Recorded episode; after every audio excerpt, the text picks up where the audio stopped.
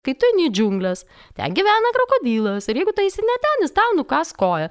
Nori pabandyti, tu tikrai gali tą padaryti, bet kai nukas koją, tu prisimink, kad, nu, gal kitą kartą tu žiūrėk, kur yra kelias.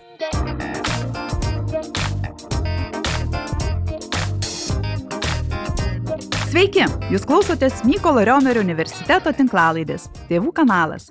Čia dalinamės tėvystės iššūkiais auginant paauglį ir ieškome sprendimo būdų tėvų ir vaikų dialogui. Su jumis kalbuosi aš, psichologė, lektorė Čiratė Bartkevičianė. Šiandien pasikalbėsim apie šio laikinį paauglio pasaulį. Koksgi jis? Ar labai skiriasi nuo praeities paauglių? Kaip priimti paauglį ir padėti jam išskleisti sparnus? Ir šią temą šiandien kalbamės su šios temos ekspertė, Mykolo Riomerio universiteto lektorė, daktarė Oksana Malinauskienė ir epizodo viešne žinoma fotomenininkė, trijų vaikų mama Jurga Anusauskienė. Yra sakoma, kad paauglystė yra vienas iš sudėtingiausių, bet kartu ir spalvingiausių gyvenimo etapų. Ir kalbant su tėvais apie paauglius vaikus, vis dažniau tėvai skundžiasi, kad šio laikiniai paaugliai, na, daug sudėtingesni, nei kad buvome mes. Kad šiais laikais vaikai turi per daug laisvių, per mažai pareigų, kad per daug laiko skiria socialiniam tinklams, kažkokiems žaidimams, mažiau bendrauja gyvai su uh, draugais. Tačiau paaugliai atkerta, kad saugia jų nesupranta, kad saugia kažko tai reikalauja, uh, kad būtų jie kažkokie kitokie arba tarsi senoviniai, kad tėvai nebesupranta, kad laikai pasikeitė. O kaip yra iš tikrųjų? Tai visų pirma, mano manimu, reiktų pradėti nuo savokos apibriešties. Apskritai, kas lypi po žodžių junginiu šio laikinis paauglys ir kodėl jis iš esmės turėtų skirtis nuo paauglio prieš dešimtmetį ar prieš penkisdešimtmetį. Paauglystę galima traktuoti na, kaip tikrai spalvingą ir tam tikrą prasme kritinį laikotarpį gyvenime, kurio metu jauni žmonės turi ne tik priimti iššūkius, kylančius dėl individualių bei aplinkos pokyčių, bet kurio metu jauni žmonės na, turi prie jų ir prisitaikyti. Tai visi paaugliai visais laikais buvo veikiami standartinės amžiaus įtakos ir uždaviniai, kurie, kuriuos jie turi spręsti, nekinta. Tai pagrindiniai uždaviniai, taip labai a, trumpai tariant, prisitaikyti prie fiziologinių, pažintinių ir psichosocialinių pokyčių, grininti vertybių sistemą ir vystyti savasties jausmą. Na, esminiai tokie klausimai, kas aš esu, kas noriu būti, koks galų gale aš turiu būti. Tai intensyviai ieškomas tas tapatumas. Ir trečias toks būtų uždavinys nustatyti efektyvius socialinius santykius su abiejų liučių atstovais. Tai be šitų uždavinių dar nemažiau svarbus yra tokie kaip išmokti bendrauti, ieškoti kito žmogaus, burtis į grupelės, išryškinti seksualumą. Taip. Tai vad natūralu, kad naujų uždavinių sprendimas reikalauja laiko, vidinių galių. Vadinasi, atsiranda rizika patirti vienokio ir kitokio pobūdžio nesklandumus. Tai sunkumai, su kuriais susidurime, yra būdingi daugumai paauglystės amžiaus tarpsnėje esančių na, žmonių jaunų, nepaisant laikmečio. Paauglys turi save dekonstruoti ir vėliau sukonstruoti iš naujo. Labai mėgstu palyginimą kaip dėlionę iš, iš, iš gabaliukų į vieną darnę visumą. Tai sutikite, kad tai nėra lengva užduotis. Ir to vat išdava gali būti emocinių išgyvenimų ir minčių maišatis, kuri gali atsispindėti elgesyje. Jeigu lenkti prie to, ar yra skirtumas tarp šio laikinio paauglio ir ankstesnių kartų paauglių, tai čia jau mes kalbėtume ne apie standartinę amžiaus įtaką, o apie standartinį istorinės epochos įtaką. Tai egzistuoja tas kohortos efektas, Tai e, kažkur grupiai žmonių yra būdingi bendri bruožai ar patirtis, pavyzdžiui, vad gimimo metai, ar ne? Tai vadinasi, kiekviena karta yra paženklinta istorinės, kultūrinės, visuomeninės situacijos. Tai jeigu manyti, kad šio laikinis paauglys gimęs 21 mažyje po 2000 metų, tai pagrindinis ir be maž visų tyriejų raidos psichologų išskiriamas skirtumas toks akivaizdus intensyvesnis technologijų naudojimas. Tai dabartinis paauglys yra tikrai įgudęs įvairių socialinių tinklų vartotojas, kompiuterinių žaidimų gal lošėjas. Tai iš čia kyla nauja rizika, kad paauglys bus daugiau ryšyje su virtualiu, o ne realiu pasauliu, virtualiais draugais, o ne kaip jam priklausytų, na, realiais draugais. Tai vėlgi tikimybė, kad jis bus pasivesnis, patirs galbūt sunkumų bendravime su bendramžiais ar suaugusiais ir bus sutrikdytas socialinių įgūdžių formavimasis, ar menkės mokymosi motivacija, ar prasties akademinis pažankumas ir galbūt suintensyvės atskirties ir vienišumo jausmai. Ir dar užbaigsiu to, kad šio laikinis paauglys paženklintas pandeminės situacijos. Ir tai turės ir trumpalaikių pasiekmių, ir tikėtina ilgalaikių paauglių psichiniai sveikatai. Ir vieni paskutiniųjų mokslinių tyrimų atliktų 2020-2021 metais, atliktų visame pasaulyje ir Lietuvoje, patvirtina, kad pandemija, nuotolinis mokymasis yra tiesiogiai susijęs su paauglių padidėjusiu nerimu, depresijos simptomais, padidėjusiu socialinės izolacijos jausmu ir sunkumai santykiuose su bendramžiais bei šeimos nariais, vadinasi tėvais, ir padidėjusiu netinkamu elgesiu. Tai ir dar vat, paskutinis e, pastebima tendencija, kad e, dabartiniai paaugliai dėl pandemijos jie patiria mažesnį pasitenkinimą gyvenimu. Tai, tai vėlgi, čia dar pasikartosiu, kad mm, uždaviniai, kuriuos pagal amžiaus tarpsnį turi spręsti paaugliai, nekinta, nepaisant skirtingos kartos. Tik tai tie, kad pažydžiami tam tikrų įvykių, kurių na, prognozuoti mes negalim, bet kaip pandemijos. Tai, mhm. tai tiek. Ačiū labai, tikrai toksai išsamus atsakymas. Jurgita, turiu tuomet klausimą jums. Jūs užauginote tris vaikus ir vyriausiai jau 31, o jauniausiam 18. Ir jie kaip jau patenka į skirtingas kartas. Ar jaučiate kaip mama tą skirtumą? Ir tuomet dar pridėsiu klausimą, ar jaučiate tą pandemijos įtaką mažiausiam tam jūsų vaikui, paaugliui, tai ką jisai išgyvena? Labai sudėtingas klausimas, nes aš truputėlį kitokį gal turiu santyki į visus šituos dalykus. Kolegė labai įdomi ir labai moksliškai ir labai aiškiai sugrupavo viską, o žinot, man gyvenime kažkaip neišeina, o gal ir nelabai norisi vadovautis tais stereotipais ir aš, na, kaip sakykime, meno gal žmogus, ar ne, šiek tiek kitokį turiu uh, suvokimą, vertinimą, pagristą patirtimi, tai kiekvienas vaikas, kaip ir kiekvienas žmogus, jis yra absoliučiai unikalus ir tai, kad tu augini antrą arba trečią vaiką, tai visiškai tau nėra kas nors paprasčiau arba lengviau, nes jisai ateina su, su savo asmenybė, su savo charakteriu ir aš niekada į, į vaiką jokiame amžiuje nežiūrėjau kaip į savo nuosavybę, kaip į daiktą, kad suaugęs žmogus su juo čia gali kažkaip tai elgtis taip, kaip jam atrodo, noris ir patinka. Be abejo, mes atsakingi už tam tikrų vertybių, elgsenos, sakykime, formulių su, su, sudėliojimą ar ne, bet vis tiek aš žiūriu kaip į savarankišką asmenybę. Tai aš negalėčiau taip pasakyti, kad vat mano du vyresni vaikai tai čia tokie, o jau jaunėlis kitoks, nes jie visi trys yra visiškai skirtingi ir labai labai saviti. O pandemija palėtė visus. Jeigu yra Marsė, marsiečių, aš manau, kad ir jiems ten kliuvo. Tai be abejo, kad, na, taip kaip mane, kaip jūs, kaip kolegė, tai ir mano jaunėlį Haraldą, jinai aišku palėtė kas be ko, tai čia mes visi turėjom gerą egzaminą ir praktinių užduočių pasikeisti čia ir dabar ir ganėtinai kardinaliai. Tai yra toks be galo įdomus laikas, aš sakyčiau, kad tai yra įdomus laikas, nes tai yra asmenybių laikas kuris išsigrynina, išgrynina, sakykime, vertybės ir labai įdomiai atsijoja teoriją nuo praktikos. Ir tai, ką mes buvome įpratę visi inertiškai daryti, na, staiga viskas pasikeitė realiai per kokias 24 valandas ir kaip žinia, teko formuoti naujus įgūdžius, o įgūdžiai per naktį nesusiformuoja. Tam reikia tiesiog laiko, reikia rutinos, tai va už tai šitas laikas buvo tikrai labai įdomus ir aišku, tame laike mums atsitiko dargi ir abitūra su nuotoliniu mokymu, kas tikrai yra... Uh, Dabar mums atrodo, kad tai yra blogai.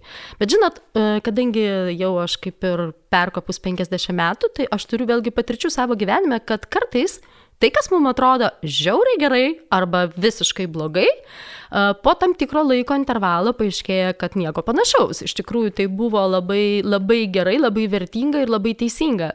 Tai mums dabar būtų sunku vertinti, ar šitas tarpsnis, vat, pakliuvus jaunuoliui į abitūrą, yra iš tikrųjų čia trauma, ar tai duos tokią patirtį, kuri galbūt inspiruos jo visą gyvenimo, kaip pasakyti, tolesnę eigą, sėkmę ir rezultatus. Tai aš atsargi būčiau su tuo vertinimu laiko, laiko perspektyvoje. Ačiū labai. O Oksana, klausimas tuomet jums. Labai gražiai paminėjo, kad tai gali būti ir trauma arba inspiracija veikti, kažką siekti daugiau, pakeisti požiūrį. Jūsų nuomonė, ką turėtų tėvai patarti, padėti veikti su paaugliais šiuo metu, kad e, pandemijos skirti visi, ta prasme, dalykai būtų netraumuojantis, o inspiruojantis? Žinot, taip vienareikšmiškai aš neatsakysiu, aš labai, vat iš savo kaip žmogaus perspektyvos tiesiog būti su jais. Būti.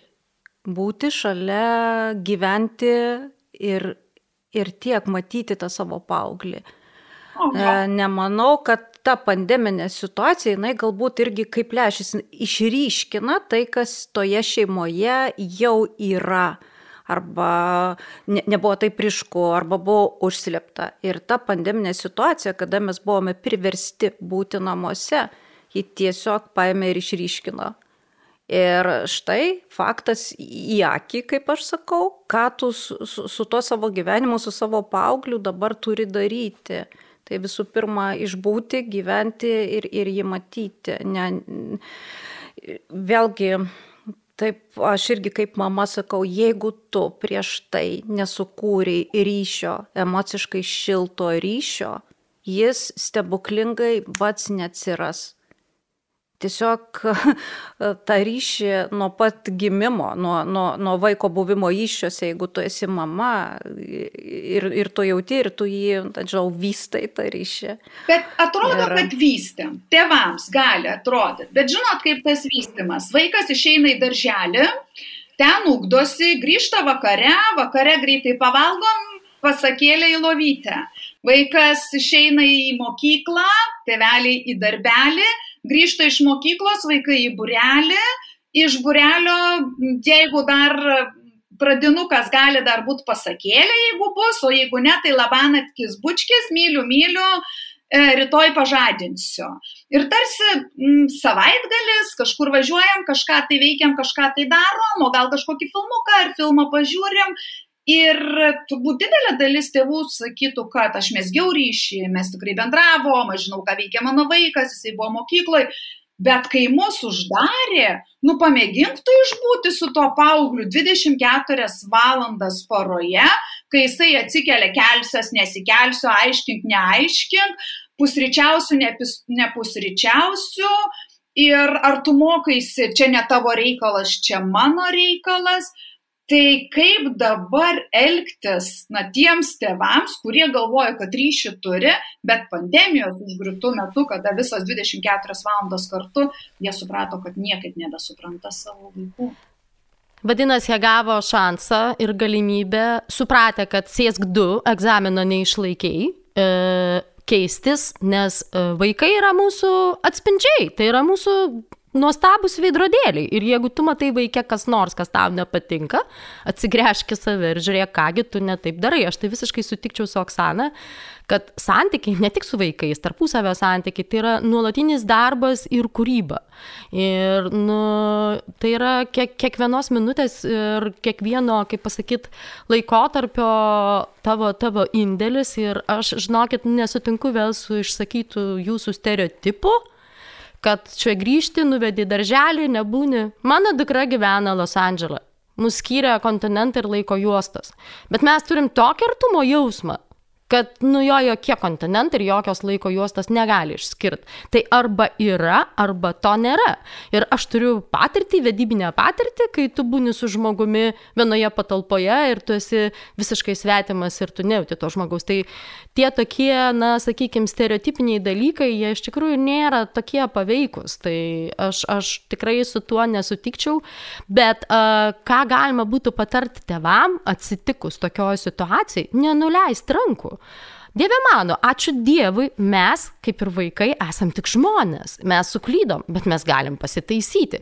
Kas yra klaidos? Klaidos tai yra patirtis, iš kurios tu gali pasisemti ir padaryti vieną žingsnį į priekį. Ir labai svarbu, mano nuomonė, vaikų akivaizdai pripažinti savo klaidas. Pirma, tada tu vaiką sulygini su savimi ir jisai jaučiasi saugus ir lygiai vertis. Antras dalykas, jam tai yra labai vertinga patirtis, kad jeigu tėvai gali pripažinti savo klaidas ir nieko čia baisaus, jisai pasitaisė ir eina toliau, tai ir jisai nebijo ir klysti, ir nebijo apie tas klaidas pasidalinti, ir nebijo suklydęs, kaip pasakyti, vėl toliau keliauti, nes mano akimis mūsų metodinė sistema yra visiškai netinkama su balų vertinimu, kai už klaidą yra rašomas blogas balas, nes tik suklydęs žmogus ir darydamas vėl, jisai gali kažko pasiekti. O jeigu jis yra traumuojamas ir išgazinamas, kad tu čia blogai kažką padarėjai ir jis užsidaro ir užsiveria ir jisai bijo, daryti po to ir nėra tos motivacijos, nes dabar epocha pasikeitė labai greitai, o metodinė sistema ne. Už tai paaugliai kaip protingi žmonės, jie natūraliai ir protestuoja prieš tai. Aš, pažiūrėjau, irgi nesutinku. tai, tai už tai tas jų protestas nėra kažkoks šiaip maištas ištingėjimo ar išdurnumo. Jie tiesiog nesutinka su daugeliu dalykų, nes jie supranta ir mato, kaip yra. Mhm. Oksana, jūsų nuomonė? Aš žinokit, labai noriu irgi paantrinti. E kadangi jeigu kalbam apie paauglius, ta pandeminė situacija, kaip jūs sakot, yra tai uždarimas namuose, Paaugliai, kadangi jų kognityvinės funkcijos labai išlavėjusios, turi abstraktų mąstymą, turi kritiškumą, iš to kritiškumo kyla tam tikras vat, kri, ir kritiškumas, ir negativizmas, jie, jie turi vystyti autonomijos jausmą, savarankiškumą. Ir dabar įsivaizduokime, jie kartu uždaryti su savo tėvais, jie neturi įprastai, na, vad kaip galėjo būti tokie savarankiški, jie galbūt gali jaustis kontroliuojami, jeigu tėvai ištisai žiūri, ką jie veikia, E, ar padarai pamokas, atsikėlė, neatsikėlė, viską bando kontroliuoti. Tai natūralu, kad normaliam paaugliui kyla maištas ir tas netinkamas elgesys, jeigu galima taip įvardinti, jisai tik tai stiprės. E, normalus paauglys priešinsis visai tai tvarkai e, ir, ir tokiai vat, kontroliai ištisiniai. Tai tėvams, man taip atrodytų svarbu netrukdyti, būti šalia ir, ir nekovoti, nes kova reiškia, jeigu tu esi tėvas, pralaimėjimą vienareikšmį. Jeigu tu pradedi kovoti su savo vaiku, nes paauglys jis priešinsis, jam pagal raidos etapą tai priklauso, jis turi atsiskirti nuo savo tėvų ir rasti savo sprendimus, savo kelią, savo tą tapatumą. Tai irgi dar vat, tikriausiai tėvai, kai mato savo vaikus e, kasdieną pandemijos akivaizdoje toj, tai nesusilaiko ir nori pamoralizuoti, šiek tiek paauklyti, nu taip nurodyti. Tai vėlgi, kaip man atrodytų, reikia savo, kaip tėvui priminti, kad e, klausyk, žmogau, aš šitą, nu, va, etapą jau praėjau Ir nereikia instruktuoti mano asmeninio nuosavo vaiko, kaip ką daryti. Nereikia jų apsaugoti, reikia jiems patiems leisti veikti, nes tik taip jie įgis ir savarankiškumą, ir atsakomybę ugdysis. Tai paauglio savęs paieškos jos ir grįstos yra bandymas klaida. Bandymas klaida tai yra patirtis įgyjamos, jos e, ta, tavo, vat, kaip mamos arba tėvo akimis žiūrint, gali būti tokios nelabai malonios ir taip norisi apsaugot savo tą vaiką. Vat gali kilti tokia pagunda. Ir vėlgi dar toksai, kad e, savo kaip tėvui reiktų priminti dar tokį dalyką, jeigu nuosavas vaikas pradeda jau, nu taip, žinot, erzinti labai stipriai, kad, nu, neklauso, bet, vat, neklauso. Nu, nu, kaip, kaip. Tai, kad vat, paauglio gyvenimo tikslas nėra gadinti nervus. Na, vargu ar paauglys atsikelia ryte, žinot, ir pradeda įgyvendinti sudarytą planą, kaip sugadinti nuotaiką savo tėvams. tai, tai taip nėra. O kaip tėvams atskirti, kur vat, jie dažnai sako, aš rūpinuosi, aš noriu jais rūpintis, aš noriu jam padėti. O paaugliai sako, mane kontroliuoja. O tėvai, aš Taip. noriu tave ryte pakelti iš ryto, kad eitum į mokyklą. Aš tik norėjau pasiteirauti, kaip tau sekėsi pamokose. Aš tik tai paklausiau, ar tau pavyko nuvažiuoti iki burelio. Aš domėjausi, kaip tau sekasi bendrauti su draugais. Tai aš rūpinuosi, kodėl tuomet paauglys sako, tai yra kontrolė. Kokias klaidas tame rūpestyje, ar ne, daro tėvai? Nes tai nėra rūpestis. Ta, ką jūs išvardinot, aš manau, su tokiu požiūriu ne tik su vaikų konfliktai, bet ir su, su toktiniu yra garantuoti. Dabar žiūrėkit, aš jums užduosiu klausimą, nors jūs moderuot. Jeigu jūs kažkas besąlygiškai kontroliuotų ir verstų, ką nors daryti arba nedaryti, kaip jūs elgtumėtės? Aš šimtų procentų prieštaraučiau, neklausyčiau ir daryčiau taip, kaip noriu. Tai man irgi toks klausimas, žinai, kada ta paauglystė baigėsi, nes aš tai manau, kad jinai man, nu, realiai prasidėjo, turbūt, e, greičiausiai, bet tikrai dar nepraėjo, tikrai nepraėjo. Tai už tai norėti iš kito žmogaus, aš vėlgi sakau, aš visiškai nuresetinu amžių, kuriam dabar va taip suteikiamas yra dėmesys. Amžius ir lytis, man atrodo, absoliučiai bereikšmiai faktoriai.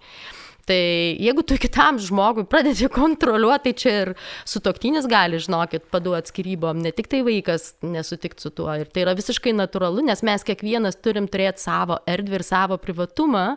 Ir aišku, pandemija naina sukėlė tokį egzaminą, kaip aš ir sakau, kurio galbūt ne visi išlaikė, nes, nu, buvo tam tikra teritorija, kurioje reikėjo sugebėti išsaugoti savo privatumą viens kitam pagarbą ir laisvę. Ir mes labai sureikšminam mokyklą, kad O Dieve, jeigu vaikas pavėluos, tai čia bus tragedija. O jeigu neišlaikys ten kokio trimestro ar pamokos, bet tai yra patirtis. Tegu jis geriau tą patirtį gauna dabar, negu jisai susimaus, kai jam bus 35, dar vis nesupras, kas yra gyvenimas kad atsitiko gyvenimas.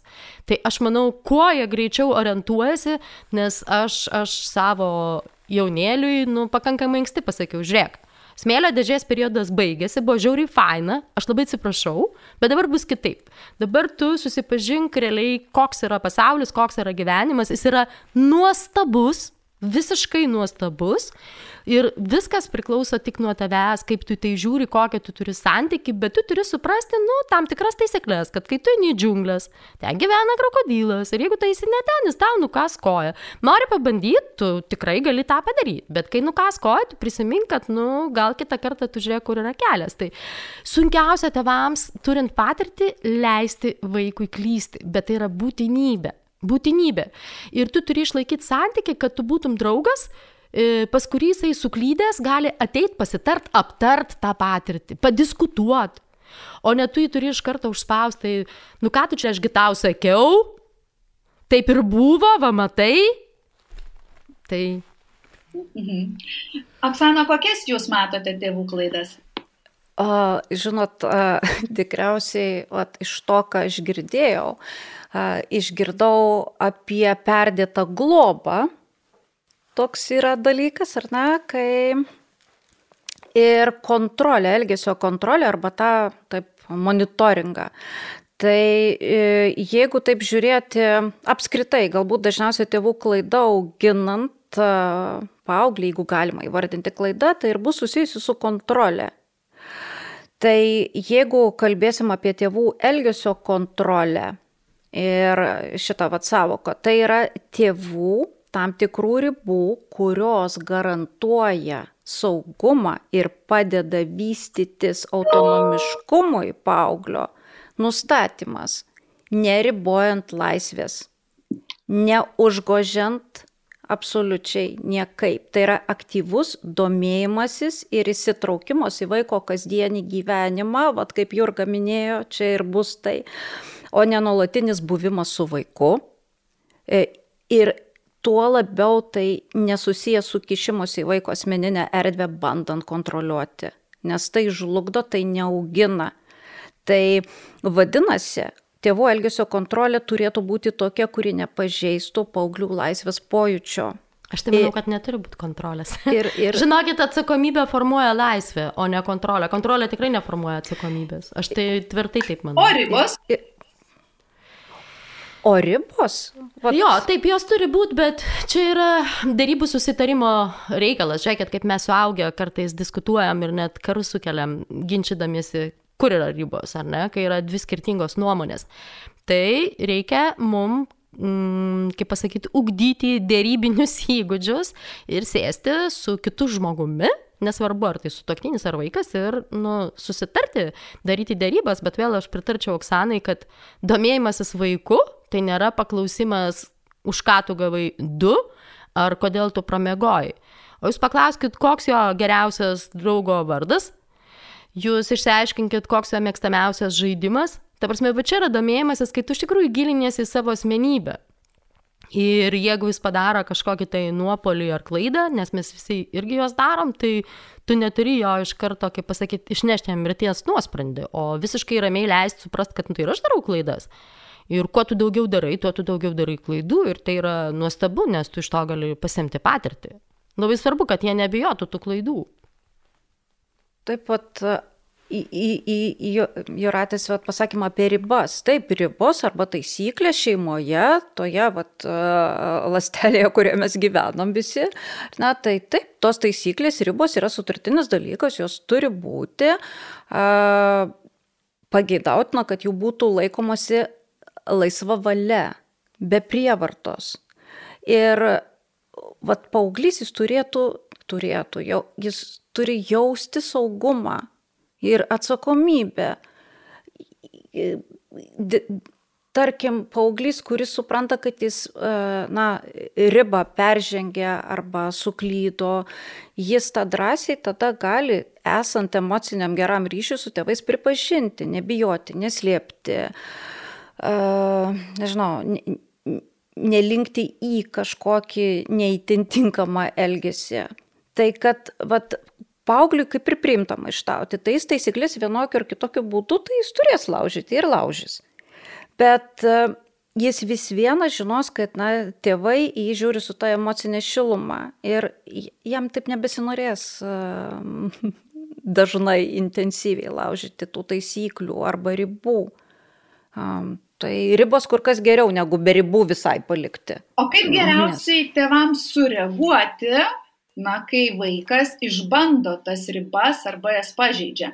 Na, sakykime, paprastas pavyzdys, ar ne, susitarimas ribose, kompiuteriniai žaidimai, ar ne, kad naisi mėgoti, na, sakykim, 12 val. o ne 3 val. nakties. Na, susitarėm su paaugliu, taip, tikrai nueisiu.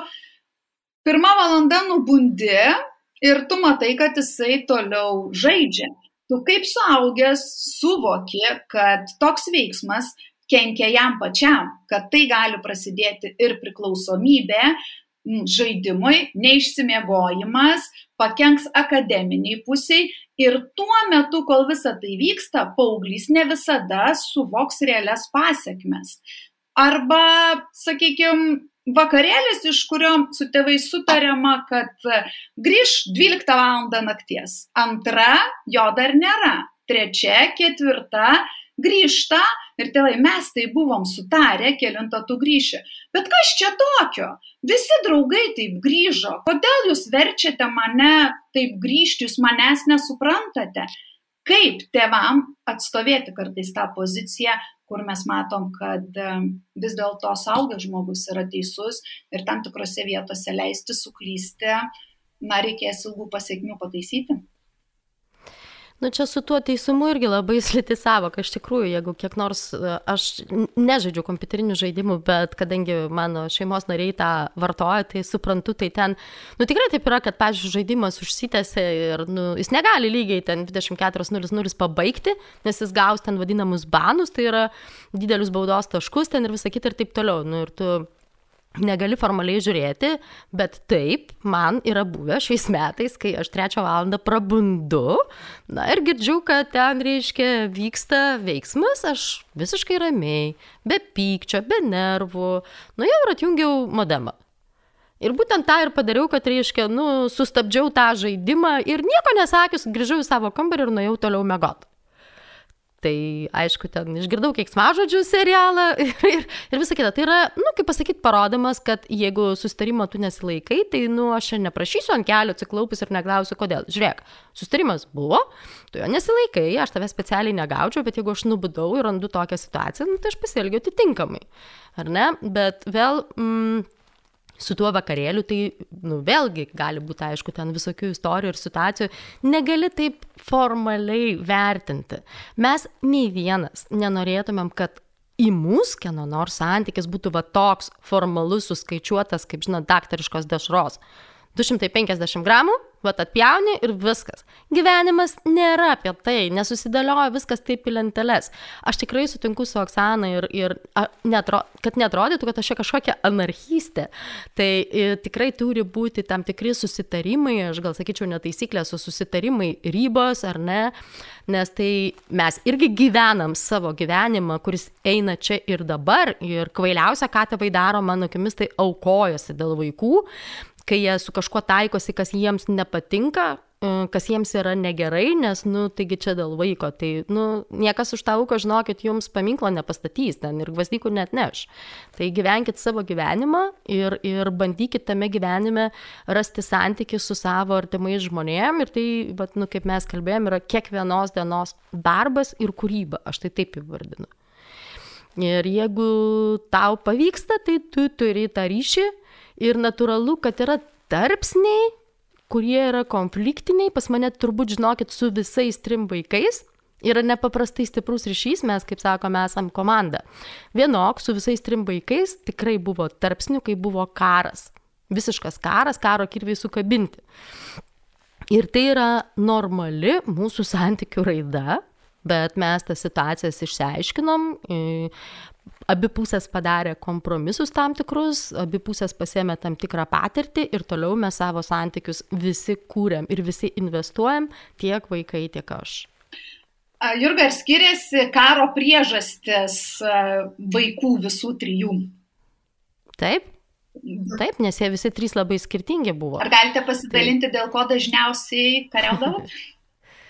Nu, tai iš esmės tai kai vat, nesutampa nuomonės, tai čia kaip ir suaugusių pasaulį, nu, tai tada išnaudoji diplomatinės priemonės, o po to paskelbi karą. Bet karas visada yra nuostolis abiem pusėm, mano nuomonė, mano patirtim. Todėl, jeigu yra galimybė to išvengti, tai tikrai geriau tai padaryti. Dar vienas labai toks, irgi mano grinai asmeninis aspektas, nežinau, Oksana gal mm, iš mokslinės pusės patvirtins arba nuneiks, kad yra labai svarbus faktorius, norint turėti gerus santykius, tai yra atėjus tam tikram laikui pradėti gyventi su vaikais atskirai. Žiauriai svarbus yra momentas, nes e, iš tikrųjų tai yra jau skirtingos asmenybės su skirtingais interesais ir nei vienas, nei kitas nėra blogi. Tiesiog skiriasi interesai, kitaip tai nereiškia blogai. Ir tada ta trintis prasideda diena iš dienos ir situacija aštrėja ir jau po to, nu, kaip sakant, kaip vėlgi yra politikoje, tu jau nebetsimeni, dėl ko ten jie kariauja, bet jie kariauja, nes yra daug nuoskaudų, ar ne?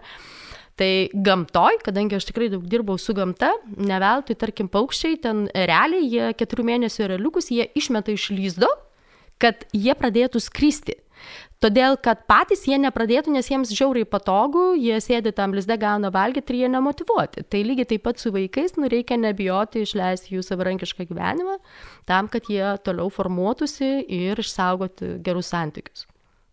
Ačiū labai ir pabaigai labai noriu kiekvienos iš jūsų kaip patarimo, ką labiausiai reikėtų atkreipti dėmesį, auginant šio laikinę paauglį tėvams.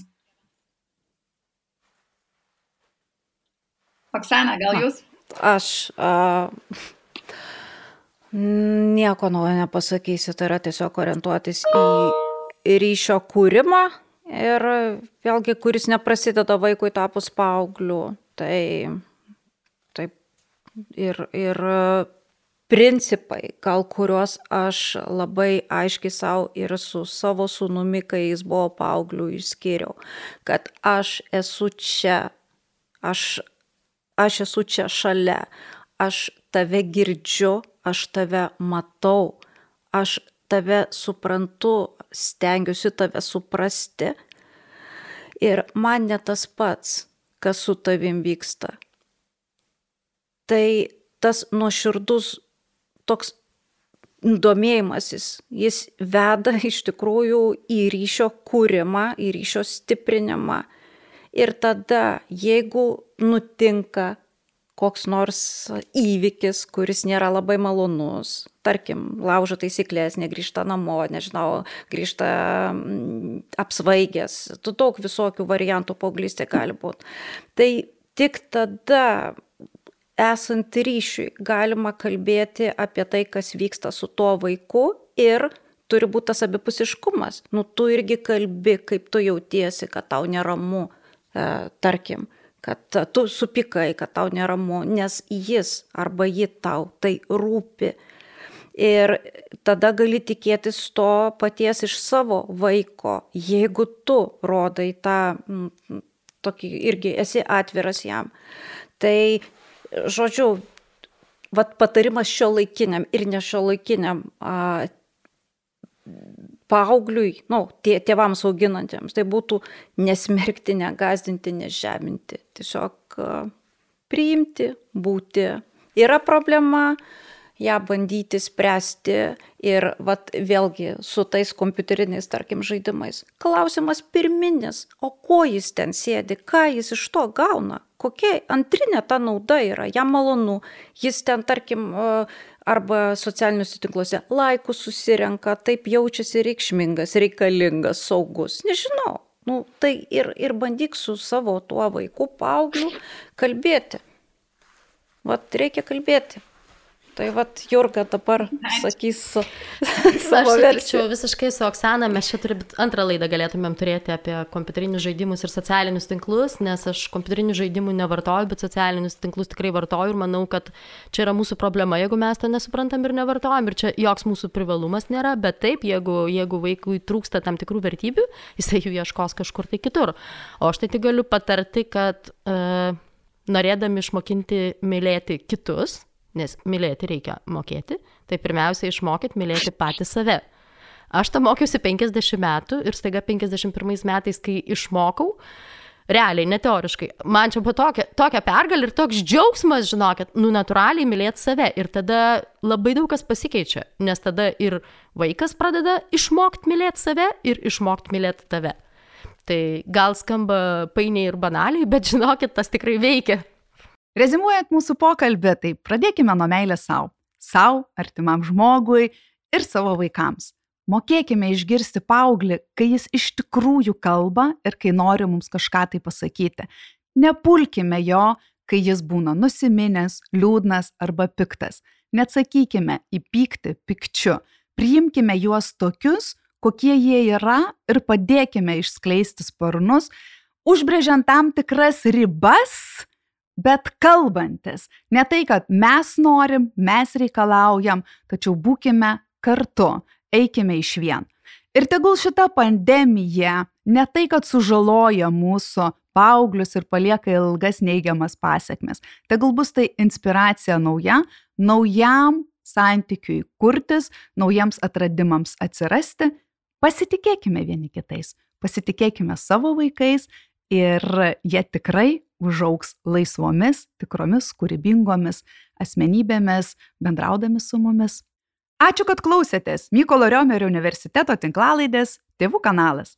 Šiandien su Mykolo Riomerio universiteto lektorė daktarė Oksana Malinauskenė ir viešne žinoma fotomenininkė trijų vaikų mama Jurga Nosauskenė kalbėjomės apie šio laikinio paauglio pasaulį. Aš esu Juratė Bartkevičinė ir kviečiu atrasti daugiau tinklalaidės Tėvų kanalas epizodų Mykolo Riomerio universiteto YouTube, Spotify, iTunes platformų kanaluose. Taip pat universiteto interneto tinklalapyje www.vmrūni.eu. Prenumeruokite ir apie mūsų naujausius epizodus sužinokite pirmieji. Iki kito karto.